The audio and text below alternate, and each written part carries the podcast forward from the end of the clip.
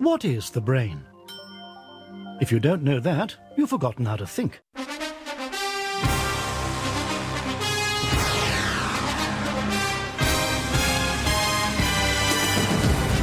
Please ensure you have your copybook at hand, as you'll be asked to take down notes from the screen at various points throughout the program.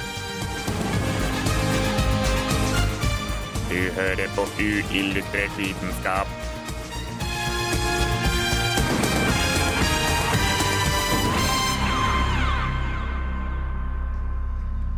Hvis du prøver å google CO2 absorption, kanskje i et forsøk på å finne ut hvorfor kloden vår blir varmere av denne gassen som vi slipper ut fra fabrikkene våre i stor skala, ja, da blir du for det aller meste sendt videre til blogger og kvasivitenskapelige nettsider som prøver å overbevise deg om at verdens ledende klimaforskere holder oss alle sammen for narr. Sjøl om det er heller tvilsom kildebruk på disse eh, nettsidene her, så får man fort følelsen av at eh, dette er et ømfintlig tema, som engasjerer folk over hele verden, ikke minst politisk. Klimatoppmøtet i København det står for døra nå i eh, desember, og verden står og tripper. Hvordan går det egentlig med det her klimaet vårt? Det skal vi i Uillustrert vitenskap ta for oss den neste timen, og Globus de to timene etter det igjen, så det blir en lang klimasending, altså. Aller først Wolfmother.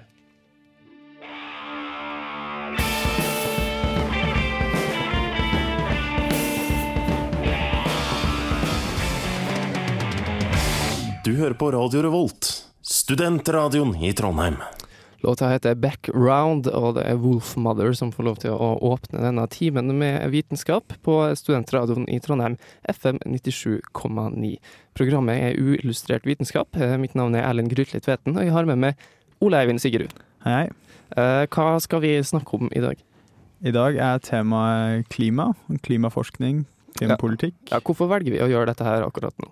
Det er jo et eh, klimatoppmøte i eh, København nå i desember. København. Mm. Ja. Eh, der verdensledere skal komme sammen og bestemme ja, nye mål for CO2-kutting og sånne ting.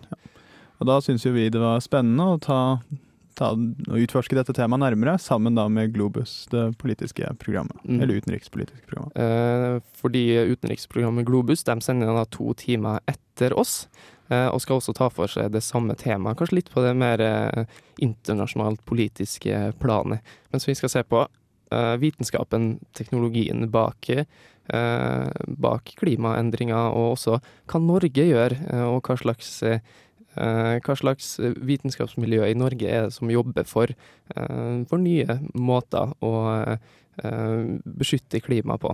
I den sammenheng så får vi også besøk. Det gjør vi. Vi har eh, Eirik Lindeberg, som er eh, sjefsforsker i Sintef. Sintef petroleumsforskning som skal eh, få lov til å prate litt om CO2-deponering eh, etter at vi får ei ny låt av The Revenets. 'Boys Who Rape Should All Be Destroyed' heter denne her. Boys who, boys who rape should, rape should all be, all be destroyed. Boys who rape shit. Beep, beep, beep, beep, be destroyed. Radio Revolt. Jeg hørte altså Boys Who Rape, eh, en skikkelig gladlåt der fra The Revenettes. Eh, vi i Illustrert vitenskap vi snakker om klimaet vårt, som vi eh, er veldig glad i, og som vi er litt bekymra for for tida. I den anledning så har vi fått besøk fra Sintef petroleumsforskning, og det er sjefsforsker Erik Lindeberg.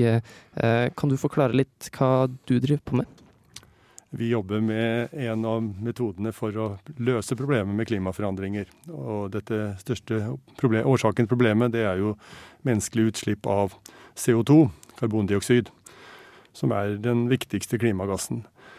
Og den har vi eh, forskjellige metoder for å ta hånd om. Og det som har vært utviklet da, gjennom noen tiår nå, det er jo metoder for faktisk å ta og rense ut CO2 fra de avgassene der vi har store punktutslipp av CO2. Sånn som fabrikker som slipper ut fra sementfabrikker, ammoniakkfabrikker, og særlig da kullkraftverk. Mesteparten av verdens kraft kommer ifra kull, fra kullindustrien. Men hvordan, hvordan gjør man det her sånn rent teknisk? Hvordan får man, eh, får man tatt ut CO2-en og lagra den? Det er eh, et par-tre forskjellige metoder, men eh, de viktigste metodene er jo faktisk å, ta, å starte omtrent med rødgassen sånn som den er. Den kan variere fra 3 til 14% CO2. Resten er eh, andre ting, så den er ikke så særlig konsentrert CO2 når den kommer. og Derfor er den ikke så lang, lett å fange. Eh, Men den har en tendens, den er litt sur hvis man løser den i vann, og det har en egenskap som er godt, for da kan vi binde den med en lut. Svak lut som vi kan absorbere CO2-en i. Og hvis vi koker denne her svake lutløsningen igjen, så kan man få ut CO2-en i konsentrert form. Og da egner den seg for transport med rør, på samme måte som vi transporterer gass i naturgassrør i rør over lange avstander. Og for eh, injeksjon i undergrunnen, hvor den kan lagres i deponier som ligner på de som har lagret olje og gass. Vi finner geologiske formasjoner som har greid å lagre olje og gass over millioner av år. Vi prøver å finne likedanne geologiske strukturer som ikke inneholder olje og gass, men som de inneholder da gjerne vann, men som er like tette. da.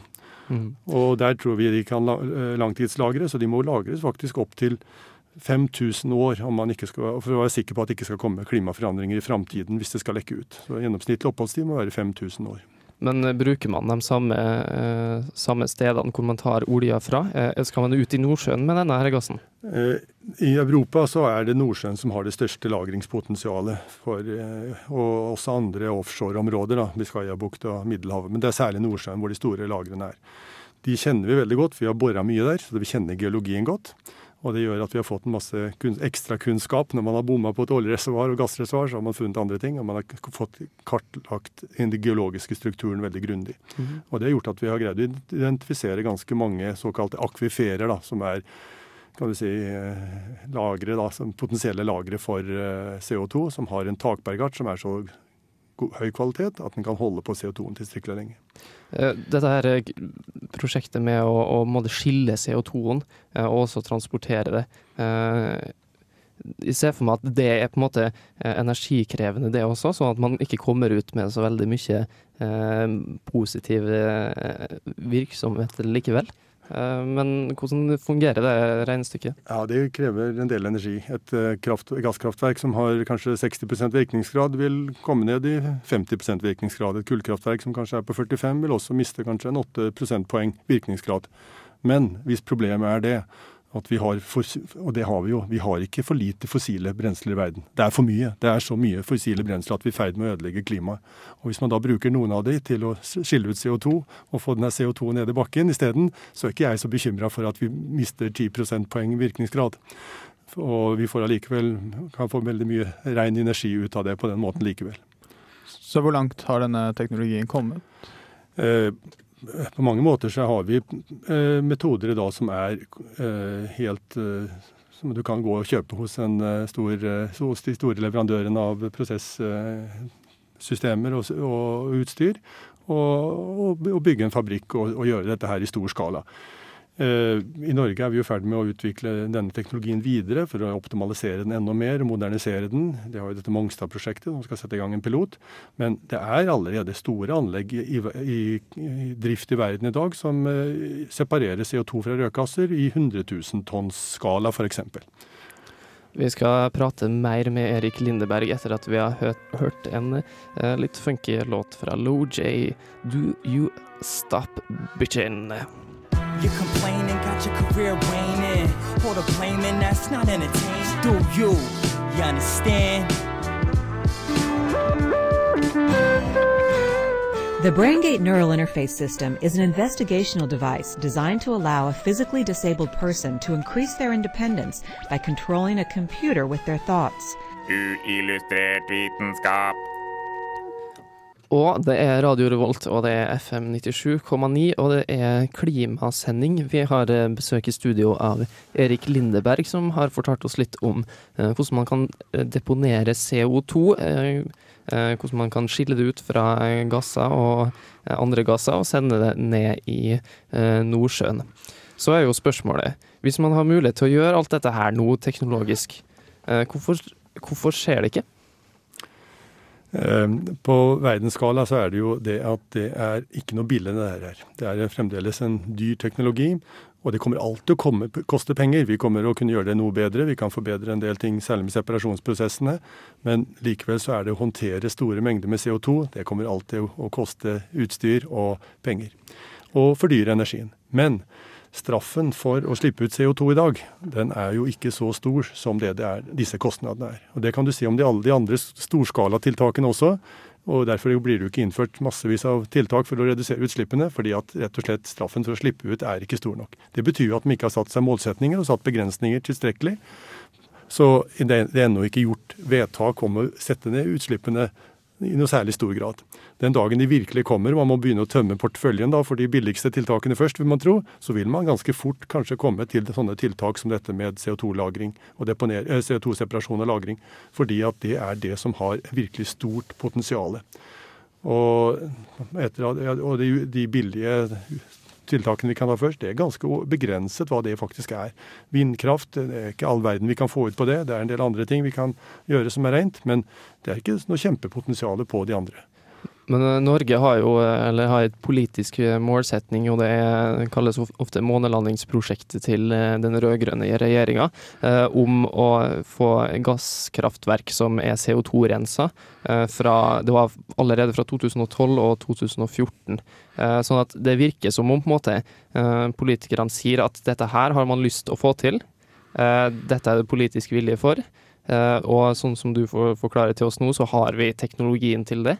Eh, men likevel så skjer det ikke. Er det pengene det står på da? Er Norge for liten i, i, i en sånn skala som det her? Uh, ja, at det, det virker som de nøler, politikerne nå. da. Det virker som de annonserer en utsettelse når det gjelder dette månelandingsprosjektet. Og det syns jeg er riktig ille. For poenget med dette prosjektet det var jo faktisk da å komme først og komme nummer to til månen. Det er ikke liksom like spennende, da. Og det er vel derfor de kalte det månelandingsprosjekt. Da er litt av spenningen ute. Vi var tidlig ute med dette store CO2-lagringsprosjektet på Sleipner i Nordsjøen, hvor man tar CO2 fra naturgass og deponerer den. og Det har jo skapt veldig stor internasjonal oppmerksomhet, og Norge har fått veldig mye fokus på det. Og Det kunne man jo håpe på at vi kunne gjøre på dette separasjonsanlegget også. Så at det ble utsatt, det er jo et skikkelig eh, tilbakeskritt for oss som, med, som er teknologer og driver med forskning. Og vi også vil gjerne se at det bygges anleggsveier og piper bak oss, at vi ser resultater av det vi gjør. da. Så det her er jo en skuffelse for eh, det teknologiske miljøet i Norge, det er det, det, er det helt sikkert. Eh, Men at ikke Norge har råd og ressurser, det vil jeg jo også eh, det stiller jeg sterkt spør- spørsmålstegn ved, fordi at Norge har jo veldig store ressurser eh, til å kunne gjøre den type investeringer som dette her. Dette er jo- koster jo bare en brøkdel av å bygge ut et nytt oljefelt f.eks. Selv om det kan kanskje koste både 5 og 10 milliarder. Altså Vi ser på Snøhvit som har kosta 60 milliarder kroner. Da er likevel dette her småpenger, da. Sett ting litt i perspektiv, akkurat det. Jeg har jo fått med at eh, det er en god del som er bekymret for eh, eventuelle lekkasjer, og at dette ikke skal være trygt. Hvor trygt er dette? Det er en eh, fornuftig bekymring, for eh, vi ingeniører har jo ikke liksom det beste rullebladet når det gjelder å putte avfall under jorda. Det del, har vært en del skandaler ned gjennom historien på det industrielle perioden. Eh, og det, geologi er en ganske vanskelig vitenskap når det gjelder å forutsi nøyaktig hvordan ting skal kan oppføre seg. Fordi at vi har så enormt store flater og arealer og horisonter og, og volumer. Så å få kartlagt dette her i nøyaktig detalj, det er eh, å vise at det her er pottetett på forhånd, det er ikke så veldig lett. Men det vi gjør nå, da, at man setter i gang med en brønn på Sleipner, som vi er i gang, og på Snøhvit, der er vi i gang med injeksjon, så får man mer og mer informasjon om de strukturene man injiserer i. Og eh, sånn som med alt annet, man kan ikke bare sette i gang og håpe at dette skal gå bra. Man må overvåke det. Man må følge med hva man gjør, og så får man ta, gjøre tiltak deretter. Hvis det viser seg f.eks. at trykket stiger fortere enn man trodde, og at det kan risikere å bryte opp eh, bergarten, at det kan lekke, så kan vi avlaste trykket med egnede metoder. Produsere ut vann f.eks., på samme måte som vi produserer ut olje. Eh, Dersom vi ser at eh, denne informasjonen ikke hadde, eh, formasjonen ikke hadde nok kapasitet, så må vi ha en reservebrønn et sted, eller et sted hvor vi kan gå og ha dette her som backup. Og i verste fall, hvis vi oppdager at, at det var en sprekk i den informasjonen som vi initierte i, og ikke oppdager det før det hadde gått ti år, så kan vi faktisk, det er worst case da, kan du si da, det er produsere ut den der gassen igjen, CO2-en, og injisere den en annen plass. Akkurat som vi produserer et gassfelt. Og til en langt lavere kostnad enn CO2-avgiften i Nordsjøen i Norge i dag. da. Så det er veldig realistiske løsninger. Så selv om vi på en måte oppdager et avvik, så finnes det en rekke av remedier da, som vi kan sette inn, sånn at vi kan gjøre konseptet trygt likevel. Jeg skjønner at, eh, at eh, forskningsmiljøet bl.a. på Sintef er ganske eh, engasjert i å prøve å få til denne her, eh, greia her. Så jeg lurer på helt til slutt om du har noe ønsker i forhold til klimatoppmøtet. Hva ville du gjerne sett at de har kommet fram til der? Eh, Det viktigste der eh, Norge kommer sikkert til å fronte dette med å få en avtale om skog og dette med CO2-lagring og, og deponering også, for så vidt. sånt. Men det viktige som foregår nede, det er faktisk ikke disse tingene. Dette er bare småting i forhold til den store saken her nede. Og det er hvilken reduksjon man skal forplikte seg til, nemlig at det blir satt inn kraftige reduksjoner. og da vil etter hvert kostnadene for utslipp bli store, og da vil man kunne komme med teknologi sånn som dette her, som koster penger, men som gir, kan ha stort potensial, og som faktisk kan gi en, en eh, kanskje 300-400 års overgangsfase fra det fossile samfunnet vi lever i nå, til et samfunn som må basere seg helt og holdent på fornybar energi når, om 500 år, når alt kull er slutt. da.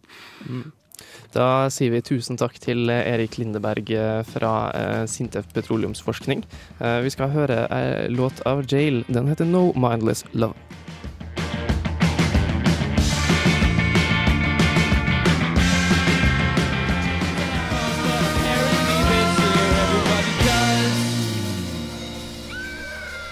For 2.5 million years, the Earth's climate has fluctuated, cycling from ice ages to warmer periods. But in the last century, the planet's temperature has risen unusually fast, about 1.2 to 1.4 degrees Fahrenheit. Scientists believe it's human activity that's driving the temperatures up, a process known as global warming.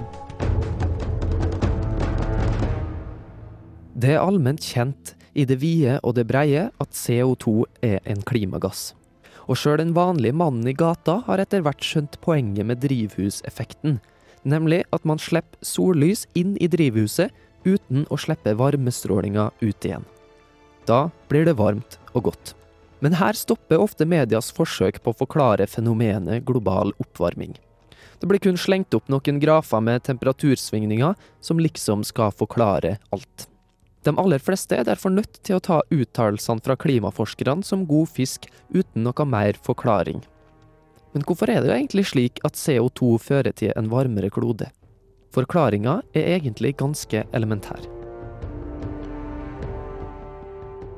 CO2 er et såkalt lineært molekyl, bestående av et karbonatom i midten som er kobla til to oksygenatom, ett på hver side. Sjøl om molekylet i utgangspunktet er rett som en pinne med tre kuler på, kan man få det til å vugge fram og tilbake ved å lyse på det med lys som har en bestemt bølgelengde. Det spesielle med CO2 er at synlig lys, det som i stor grad kommer fra sola, ikke har den riktige bølgelengden til å rikke på molekylet. Derfor er CO2 en helt gjennomsiktig gass som slipper gjennom lyset som kommer fra sola. Historia er derimot ei anna for såkalt infrarødt lys som kommer fra jordas varme overflate. Disse bølgene treffer riktig svingefrekvens hos CO2 og genererer molekylvibrasjoner i gassen. Resultatet er at atmosfæren klarer å holde på varmen, slik at jorda blir et levelig sted for oss mennesker. Scientists now believe that the greenhouse effect is being intensified by the extra greenhouse gases that humans have released.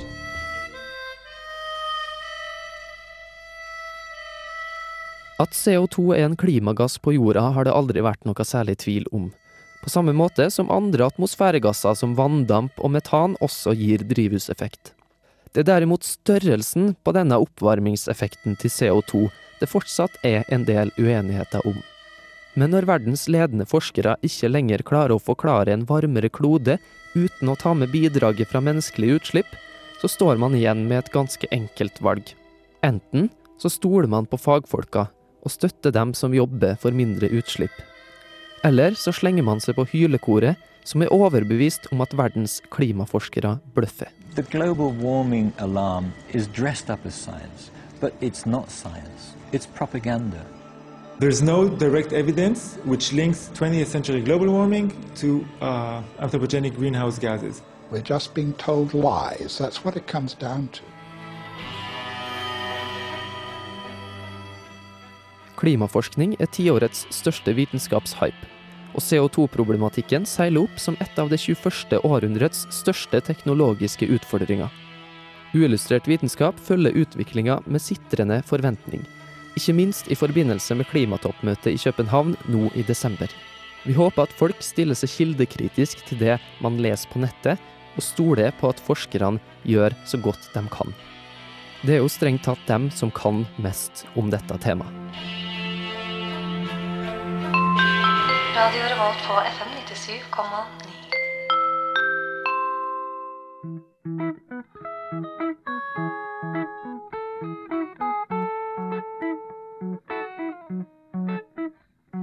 Sunset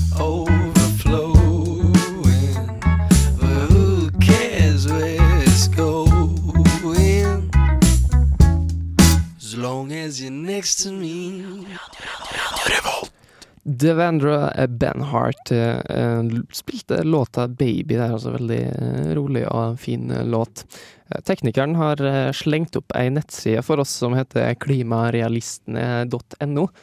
Det er ei gruppe med folk som mener at Det internasjonale klimapanelet, de som har faktisk samla sammen all vitenskapelig Eller ikke all vitenskapelig, men eh, praktisk, praktisk talt all eh, forskning på, eh, på klima de siste åra, og har kommet frem til at eh, menneskelige utslipp ikke kan kan ekskluderes fra, fra den globale oppvarmingsligninga. Og de, de er da uenige med IPCC, mener de tar feil. Eh, det er litt artig her, de, de arrangerer klimapizza her i løpet av uka. Eh, Det minner meg litt om eh, skeptikerlaget ditt, eh, Ole Eivind, som også arrangerer skeptikerpizza. Hva har du å si til det? Ja. um de blir jo ofte kalt klimaskeptikere. Eh, jeg irriterer meg litt over det, fordi eh, jeg kaller jo meg selv en skeptiker og synes jo det er et positivt begrep. Eh, men når jeg sier skeptiker, så er det en som uh, følger den vitenskapelige metoden, og da um, følger bevisene. Uh, mens eh, disse klimarealistene, de hevder jo at de følger bevisene, men uh, de går jo rett og slett rett mot den vitenskapelige konsensusen, som er kjempetydelig på at eh, eh, global ja, klimaforandring er påvirket av mennesker. Jo, for at litt av problemet her er jo det at, at dem som hevder at alt dette her er en stor bløff, de har på en måte ingen kilder å vise til i eh, viten, eh, vitenskapelig tidsskrift som Nature and Science og, og sånne ting. Ja. Sånn at eh, det er altså ingen seriøse forskere, eh, tilnærma ingen seriøse forskere, som støtter eh, dette synet. Men likevel så har det blitt så stort og fått en så stor tilhengerskare på internett. Hvorfor, hvorfor tror du det er sånn? Um, Jeg tror det er litt den um, generelle liksom, mistillit ja, til, um, til staten og til FN og Al Gore osv. Mm. Um, og så tror jeg det er en veldig stor politisk komponent i dette. Folk som ikke ønsker at staten skal uh, trå til med store inngrep. Um, da blir det lett for det, lettere for dem å forsvare den, det politiske ståstedet, hvis de da også kan si at det skjer ikke noe global oppvarming. Men det som også er litt interessant her, er jo at eh, det, det, du kan ha to forskjellige syn hvis du er da klimarealist. Du kan enten tenke at uh, alle forskerne som IPCC har samla under seg, at alle tar feil, uh, og at du har rett. Som er egentlig ganske eh, drøy påstand å komme, på, komme med hvis man ikke har studert dette her sjøl. Eller så kan man mene at alle gjør feil med vilje, og da lukter det litt konspirasjonsteori av det her. Da blir det fort konspirasjon. Så eh, en stor del av dem vil jeg påstå er konspiratoriske. De hevder at IPCC lyver og holder ting skjult og begrenser ytringsfrihet osv. Eh, resten vil jeg si eh, driver pseudovitenskap. Mm. Så tror at man er flinkere til det her enn klimaforskere er. Ja. Så eh, litt skeptisk må vi vel si å være i illustrert vitenskap til klimaskeptikerne eh, i klimarealistene.no. Prøvde å få tak i dem i dag, men det ble dessverre ingenting av. Nei, dessverre. Fikk ikke noe svar eh, fra dem. Men vi skal høre mer musikk, og så skal vi prate litt om elbiler. For at kan det være eh, framtida for, for å redde klimaet? Her får vi Surfer Blood, Floating Vibes.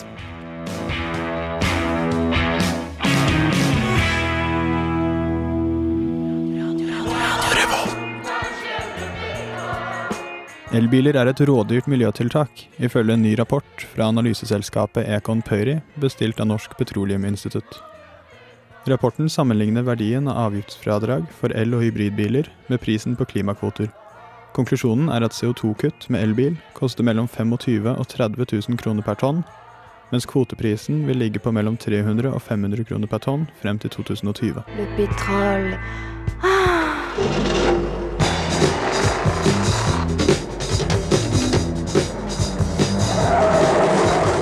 Rune Haaland, generalsekretær i den norske elbilforeningen Norstart, er ikke spesielt overrasket over rapportens konklusjon. Nei, altså, Jeg ble ikke veldig overraska over eh, at Petroleumsinstituttet ikke lik, liker elektriske kjøretøy. At de prøver å spenne bein for eh, elbilen. Det må en nesten bare forvente. Han reagerer likevel på det han kaller mangel på strategisk tenkning. Avgiftsfradragene blir i rapporten kun sett på som subsidier for å redusere CO2-utslipp, ikke et tiltak for å etablere ny teknologi. Det er jo ingen som har sagt at det er gratis å elektrifisere transport i denne verden. Eh, Det er ikke gratis å utvikle teknologi som har ligget brakk i eh, 100 år. Det som er helt sikkert, er at hvis vi ikke hadde innført avgiftsfritak på elbiler, så ville ikke dette transportalternativet ha eksistert. Følgelig så blir det en logisk brist å snakke om at du subsidierer noe. Du bare avstår fra å skattlegge noe som ikke finnes, fordi det er den eneste måten å få det til å finnes på. Å sammenligne avgiftsfradrag med klimakvoter blir også helt feil, ifølge Haaland. Vi er nødt til å komme over på bruk av fornybar energi i transportsektoren. Og Hvis en ikke har det perspektivet inne og tror at eh, en kan kjøre rundt på klimakvoter Du kan ikke forflytte deg i denne verden på en klimakvote, som ville vært alternativet. Eh, Følgelig så er det så dumt at det er nesten ikke verdt å kommentere engang. Avgiftsfradragene derimot har hatt en tydelig effekt på norsk elbilproduksjon. Norge er jo i den lykkelige stilling at vi har eh, to, og den tredje produsenten av elektriske kjøretøy på gang. Tink er berga, eh, etablerer produksjon i eh, Finland, men med hovedkontor i Norge. Og den lille fabrikken som ligger i Oslo, den øker nå produksjonen sin fra 200 kjøretøy per år til 1000 kjøretøy neste år. Så vi må jo si det at Norge markerer seg veldig sterkt internasjonalt. Men vi ønsker jo å få flere produsenter på banen internasjonalt, sånn at eh, folk har noe å velge mellom. Det er bred enighet om at avgiftsfradragene for elbiler er ment som et insentiv til å anskaffe biler drevet av fornybar energi. Når en tilstrekkelig stor andel av bilparken er det, og teknologien er moden nok, vil disse fradragene opphøre. Likevel finner vi dette i Econ-rapporten. Bruken av virkemidler i forbindelse med introduksjon av el- og hybridbiler kan begrunnes på flere måter. En begrunnelse kan være et ønske om en langsiktig markedstransformasjon for å få opp andelen mer miljøvennlige biler. Virkemiddelbruken kan også ses på som en mer direkte subsidiering av el- og hybridbiler, med et ønske om å redusere dagens CO2-utslipp. Det er denne siste måten å begrunne virkemiddelbruken på som er grunnlaget for beregningene i denne rapporten. Med andre ord er jo grunnlaget for rapporten helt fjernet fra den politiske virkelighet vi lever i. Og med dette ønsker Norsk Petroleuminstitutt å reise en teknologinøytral debatt. Je suis capable de tout pour du pétrole. Ja, det er Torstein Hyl! Du hører på radio Revolte! FM 97,9! Og uillustrert vitenskap og elbil, er det løsninga på CO2-problematikken, Oleiv? Det er ikke løsningen, men jeg tror det definitivt er en del av løsningen. Men nå har man jo hatt eh, elbiler helt siden starten av 1900-tallet, eller egentlig sånn teknologien til å lage dem, men det har aldri helt slått igjennom. Eh, Hva er det som har vært grunnen til det, tror du? Det har vært eh, diverse utfordringer, da. Eh, nå er jo hovedutfordringen er jo batteripakken. eh, som da skal ha god nok kapasitet til at du kan kjøre langt nok. Eh, men det her har vi nå, da. Eh, nå har vi biler som eh, kan kjøre bortimot eh, 200 km på en lading. eh, og eh, kan kjøre raskt nok. Den kan kjøre fart, norske fartsgrenser. Eh, og da for en ganske stor del av befolkningen så er dette aktuelt allerede.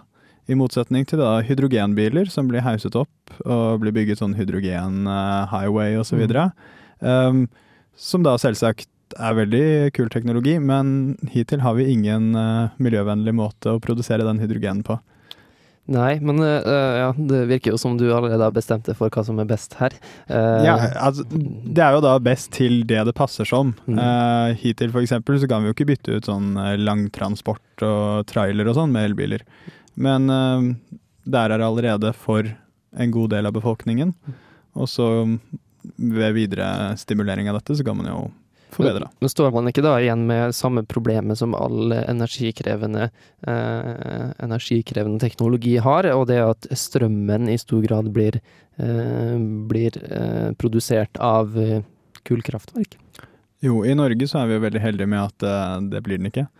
Eh, Nei, men vi også må, sett, ja. hvis vi bruker mer strøm, så må vi importere det fra steder hvor man bruker kullkraftverk. Ja, og det, det er jo selvsagt et problem. Men når man da sammenligner eh, energieffektiviteten da, på forskjellige eh, biler, da, med forskjellige motorer og fremkomstmidler, eh, så er energieffektiviteten veldig høy på elbiler, til tross for å da komme fra mer skittenkraft, kullkraft og gasskraft, i motsetning til da bensin. Kommer, kommer den like høyt som bensin hvis man ser for seg at, eh, at olja går gjennom et kraftverk først, før elektrisiteten blir laga? Vet du det? Ja, den er mer effektiv enn bensin selv fra kullkraftverk. Oi, ja, det visste ikke, så da eh, fikk jeg lære litt mer i dag også. Eh, vi skal høre ei låt til før vi får besøk fra Globus, eh, som skal ha sendinga etter oss de to timene på FM-båndet nå. Og de skal prate om samme tema som oss, og det er bare å bli værende. Men først altså Kamera Obscura French Navy. A dusty library, waiting for some words to jump in me. Radio Revolt. Oh yes, kameraobskura Kamera Obscura fra gullista til eh, Radio Revolt. Det er FM 97,9. Uillustrert vitenskap begynner å gå mot slutten, men temaet i dag det overtas av programmet som kommer etter oss. Det er Globus. og eh, Kan du fortelle litt om hva dere skal se på, Anders Småsund? Uh, vi kommer til å se litt på litt, Vi til å videreføre en del av de tingene dere snakker om i, da- snakker om i dag. Uh, vi skal fortsette litt på problematikken om er, er det her menneskeskapt, og er det egentlig et problem det med klima? Eller er det bare uh, helt normalt at det er så varmt som det er? Og Dere er jo et utenriksprogram, så vi har jo eh, et klimatoppmøte som er på gang nå i desember. Mm. Så det kommer vi nok eh, til å touche innom, eh, hva som skjer der nå. Vi kommer til å snakke litt om f.eks. litt om mikrostater og deres problemer rundt det der med global oppvarming. Da kommer vi til å snakke om Maldivene, da, som da hadde sitt berykta statsmøte under vann. Mm. Uh, ja, for at Maldivene det er dem som ligger bare sånn en meter over havet. Ja, det høyeste punktet er 2,3 meter over havet. Så de kommer i løpet av 2100, og hvis ingenting blir gjort, så ligger nok, ligger nok de under eh, vann. Mm. Ja, det blir veldig spennende å høre hva Globus eh, kommer med i forhold til eh, klimadebatten. Eh, vi i Illustrert vitenskap vi er eh, ferdig for i dag. Eh, helt til slutt så skal vi høre eh, en gammel klassiker fra Jimmy Hendrix. Eh, mitt navn er Erlend Grytli Tveten. Jeg har hatt med meg Ole Eivind Sigerud. Veldig hyggelig. Det er Voodoo Child som kommer her, altså. Neste uke så skal vi prøve oss på å sende en eh, Best of-sending.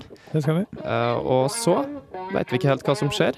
Eh, Radio Volt blir jo tatt av lufta eh, 1. januar, men forhåpentligvis så kan vi sende videre på andre frekvenser.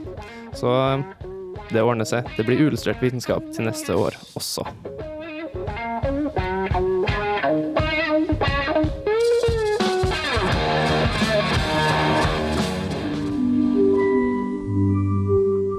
Uillustrert vitenskap er Midt-Norges eneste teknologimagasin på lokalradio. Og vi snakker om alt fra populærvitenskap til sære forskningsprosjekt ved NTNU. Radio Revolt, studentradioen i Trondheim, er stolt av å kunne presentere podkaster fra de aller mest populære programmene våre. Hvis du har lyst til å høre mer fra Radio Revolt, hvem vi er og hva slags musikk vi spiller, så kan du høre oss på FM-båndet i Trondheimsregionen, eller streame sendingene våre live på radiorevolt.no.